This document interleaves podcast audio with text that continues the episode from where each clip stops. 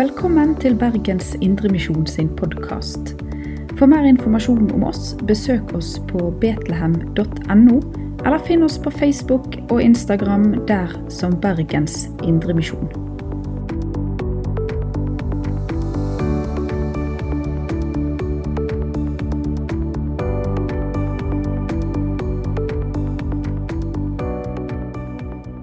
Kjære Jesus Kristus, vi vil tilbe deg, opphøye deg. Du er verdt alt. Du er verdt alt, Jesus. Til og med sånn som vi har hørt om denne unge evangelisten. Aweis Ali i Somalia. Lea Sharibo i Nigeria. Du er verdt alt. Herre, vil du la oss få se deg. Vi vet at du ble verdt alt for Maria Magdalena, for apostlene, for Maria, Jakobs mor, som det står om. Alle disse, Herre Jesus. Det å få møte deg som den oppstandende er så fenomenalt. Vi ber deg om det for oss alle sammen at vi får møte deg igjen og igjen, Herre. Og bare se hvor for en rikdom, for en arv vi har fått i deg. Amen. Vi leser eh, evangelieteksten fra Johannes kapittel 20, og jeg leser helt fra vers 1 til og med vers 18. Tidlig om morgenen den første dag i uken Første dag i uken, altså det tilsvarende i dag. Det er derfor vi samles til gudstjeneste søndag morgen. Ikke fullt så tidlig som dette skjedde, men den første dag i uken er Herrens dag. Mens det ennå var mørkt, kommer Maria Magdalena til graven. Da ser hun at steinen foran graven er tatt bort. Hun løper av sted og kommer til Simon Peter og den andre disippelen, han som Jesus hadde kjær, og hun sier, De har tatt Herren bort fra graven, og vi vet ikke hvor de har lagt ham. Da dro Peter og den andre disippelen ut og kom til graven. De løp sammen, men den andre disippelen løp fortere enn Peter og kom først. Han bøyde seg fram og så linklærne ligge der, men gikk ikke inn i graven. Simon Peter kom nå etter, og han gikk inn. Han så linklærne som lå der, og tørkleet som Jesus hadde hatt over hodet. Det lå ikke sammen med linklærne, men sammenrullet på et sted for seg selv. Da gikk den andre disippelen også inn, han som var kommet først til graven. Han så og trodde. Fram til da hadde de ikke forstått det Skriften sier, at han måtte stå opp fra de døde. Disiplene gikk så hjem. Men Maria sto like utenfor graven og gråt. Gråtende bøyde hun seg fram og så inn i graven. Da fikk hun se to, eng, to hvitkledde engler sitte ved Jesu kropp sitte der Jesu kropp hadde ligget, en ved hodet og en ved føttene. Hvorfor gråter du, kvinne? spurte de. Hun svarte, De har tatt min Herre bort, og jeg vet ikke hvor de har lagt ham. I det samme snudde hun seg og så Jesus der, men hun skjønte ikke at det var ham. Hvorfor gråter du, kvinne? spør Jesus. Hvem leter du etter? Hun trodde at det var gartneren, og sa til ham, Herre, hvis du har tatt ham bort, så si meg hvor du har lagt ham, så skal jeg ta ham med meg. Maria, Miriam, sa Jesus. Da snudde hun seg og sa til ham på hebraisk, Rabuni, det betyr mester. Jesus sier til henne, Rør meg ikke, for jeg har ennå ikke steget opp til min far men gå til mine brødre og si til dem at jeg stiger opp til ham som er min far og far for dere, min Gud og deres Gud. Da gikk Maria Magdalena av sted og sa til disiplene, Jeg har sett Herren. Jeg har sett Herren.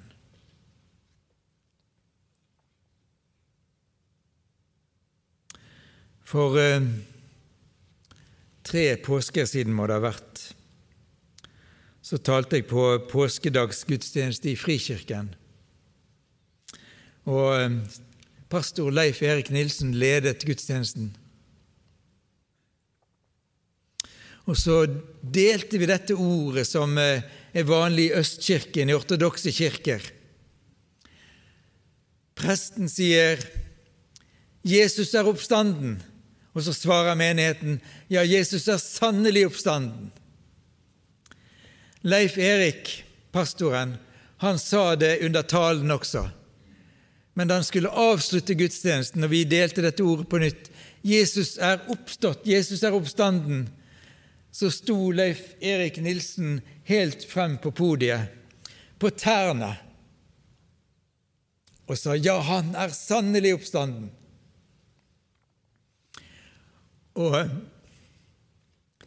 det gikk bare noen få måneder, så var Leif Erik Nilsen på, på tur i Canadaskogen.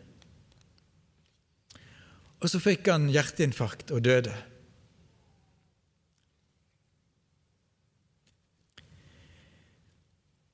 Jeg er sikker på at han hadde sett Jesus.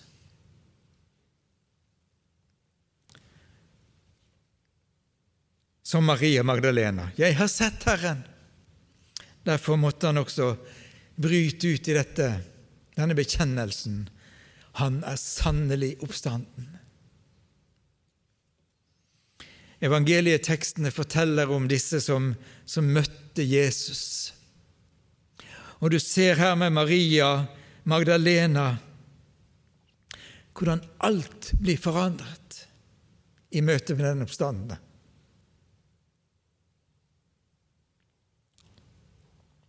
Maria Magdalena. Har dere sett eh, og hørt denne sangen, sett på YouTube, 'The God Who Sees'? Det er en kvinne som, eh, som synger denne sangen 'The God Who Sees'. Og hun fremstiller det på en sånn vidunderlig måte. Vi møter flere personer gjennom Bibelen, og til slutt så kommer vi til Maria Magdalena, som er ved graven og gråter. Eh, desperat, full av sorg. De har tatt min Herre bort.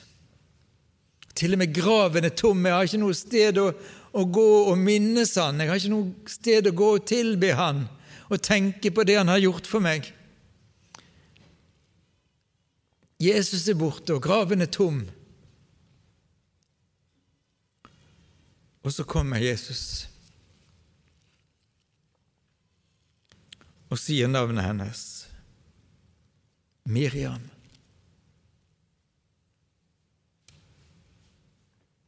Og så i et øyeblikk blir verden ny. Og du ser denne bøyde, sorgfulle kvinnen som bare retter seg ut og strekker hendene og danser og jubler og har møtt den oppstandende.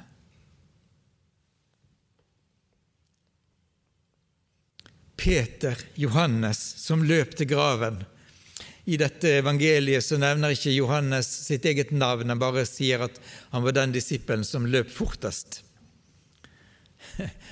Eh, men de kom sammen til graven, og Johannes han løper jo rett inn. Da ser han bare linklærne som ligger.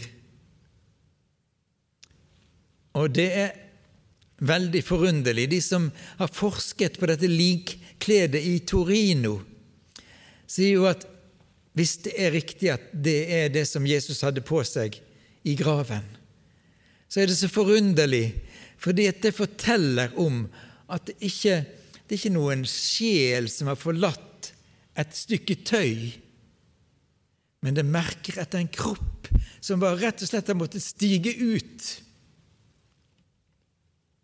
av disse gravklærne. Det er den oppstandende. Og disiplene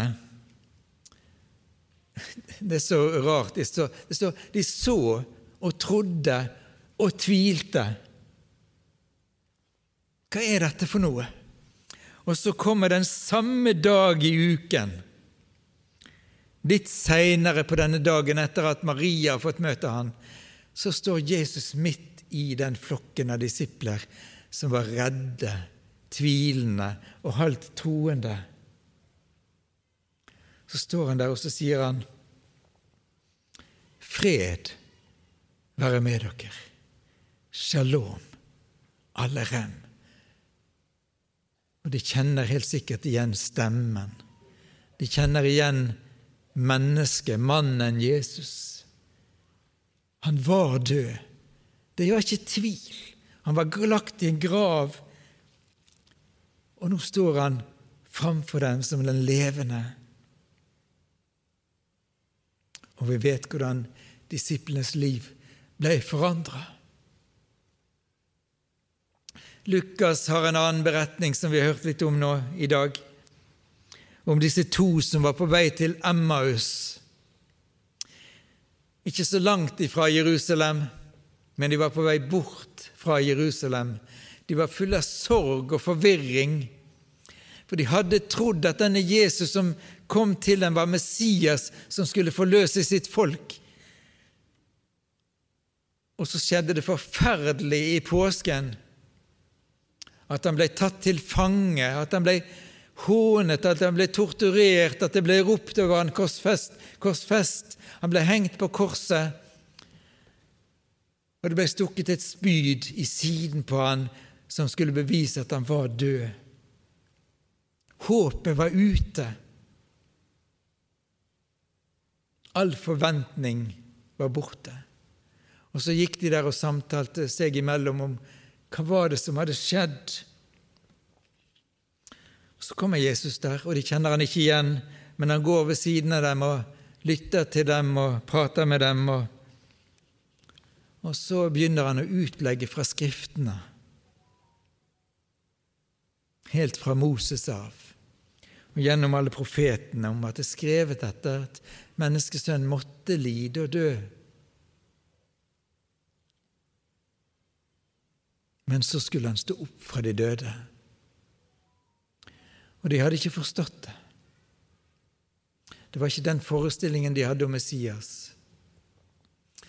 Så, når de har satt seg ned ved bordet og skal bryte brødet, så plutselig går det opp for dem, så blir øynene deres åpnet.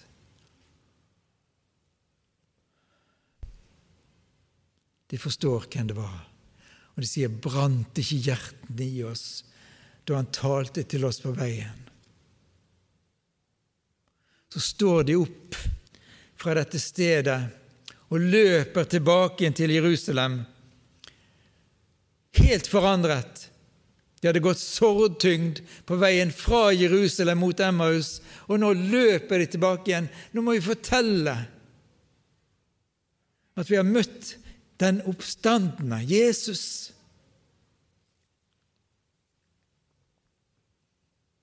Vi kunne fortsette med mange sånne historier fra evangelien. Den siste er jo Thomas åtte dager seinere, også det søndag morgen, den første dag i uken om morgenen. Han har sagt kan, dette her er så vanskelig, dette, jeg forstår det ikke, jeg tror det ikke. Jeg må ha et bevis. Han var ikke mer tvilende og vantro, han, enn de andre, tror jeg. Det bare var bare det at han ikke var der den første dagen. Men nå er han der, og så står Jesus der. Og viser naglemerkene, viser han sår etter spydstikk i siden. Og i et øyeblikk blir Thomas totalt forvandlet. Min Herre og min Gud.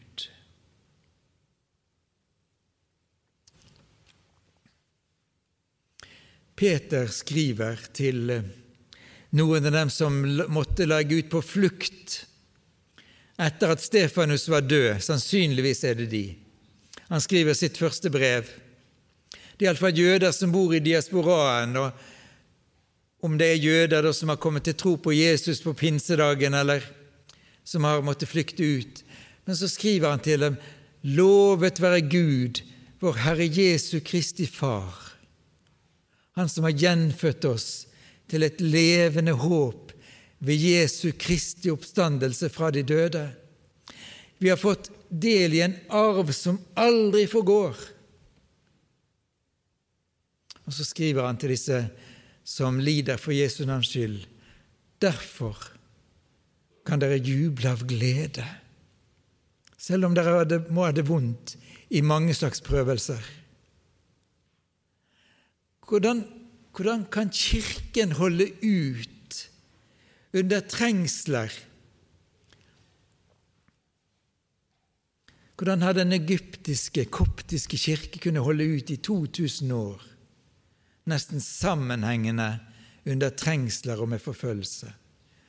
Hvordan kan kristne i Nord-Korea holde ut, til og med i fangeleirer, hele livet igjennom? Hvis det ikke var for at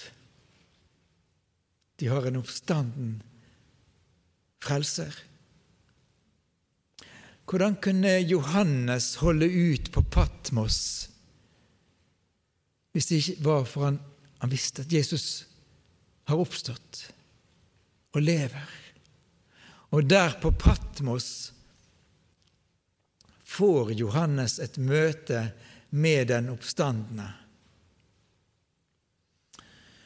Og Jeg har lyst til å ta det med fordi at vi også må be om det at vi stadig får møte den oppstandende i våre liv. At det ikke er bare en tanke om at jo, han har jo stått opp, eller en tro på at han har stått opp, men at vi møter han daglig. Har du møtt han i dag? Søndag, den første dag i uken. Har du sunget til han av hjertet ditt i dag? Tenkte du på han denne morgenen? Tenkte du på, på dette på, på, påskedagen, at nå skulle det vært fullt av flagg rundt om alle steder det finnes en flaggstang? Til ære for Jesus, den oppstandende. Jeg reiste en bybane innover fra Råstølen. I Råstølen så jeg bare ett flagg, to flagg, på balkongene. Og På veien innover var det nesten ikke noe flagg å se. Jeg tenkte, å, det, å, Kjære Jesus, må det skje på nytt at vi heiser flagget på påskedagen til ære for deg, den oppstandende. Men der var Jon Johannes på Patmos, fange inn i en mørk gruvegang sannsynligvis. Og det var sjelden at det var noen av disse fangene, dødsdømte fangene som skulle arbeide i gruvene, kom derfra med livet i behold. Der var det ingen andre å synge sammen med, ingen andre å lese i Bibelen sammen med. Han hadde jo ikke det. Ingen andre å ja, feire Jesus sammen med. Der sitter han. Der får han et møte med den oppstandende. Han får se Jesus i hans herlighet. I hans herlighetsdrakt, himmelkongen, og så etter hvert så får han høre hans røst. Og han får høre lovsangen som er så mektig Han får se det nye Jerusalem stige ned fra himmelen pyntet som en brud for sin brudgom. Han får et møte med den oppstandende.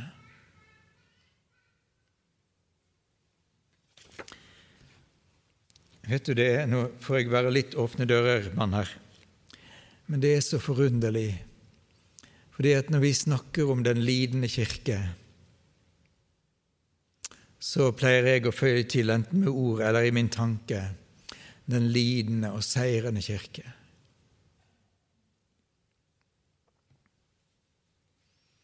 Jeg nevnte denne mannen som ble fengsla da han var 28 år gammel. Sitter i fengsel i tolv år. Blitt frarøvet sin kone av en familie som ikke trodde på Jesus, og som ville at hun skulle gifte seg med en annen. Som stråler. Fordi han lever sammen med den oppstandende, han vandrer sammen med den oppstandende. Jeg nevnte Lea Sheribo, kunne nevnt hennes foreldre. Hvordan kan de holde ut? Hvordan kan de holde fast på troen på Jesus? Det er fordi at den oppstandende lever hos dem.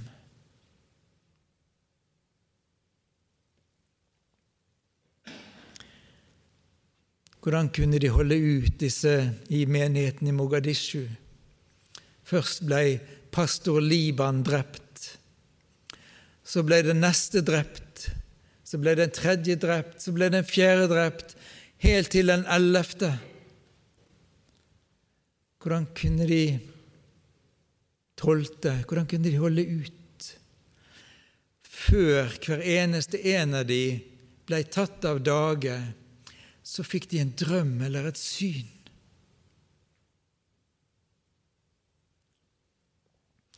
Noen av de så noe himmelsk, andre de fikk møte i synet den oppstandende, han som lever for alltid. Og så sa de, for hver eneste en som ble martyr, vi fortsetter, vi fortsetter. Og til slutt, når det bare var to igjen, så var det jo ingen menighet tilbake omtrent, selv om Jesus er midt iblant oss når vi også er to. Men disse to startet en ny husmenighet. Og så ut fra den husmenigheten så ble det dannet mange menigheter i det sørlige Somalia. Hvetekornet som falt i jorden og døde, bar frukt. Jesus sa det om seg sjøl. Han måtte lide og dø. for at det skulle skje det som med hvetekornet. Men nå tilhører vi en kirke.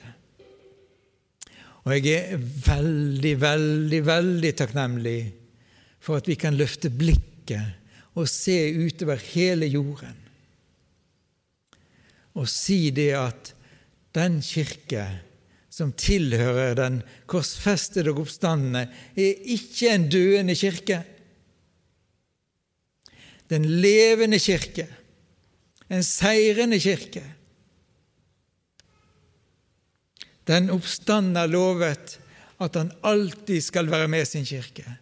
Han har all makt i himmel og på jord, og dødsrikets krefter skal aldri få overhånd over henne, kirken, Jesu brud.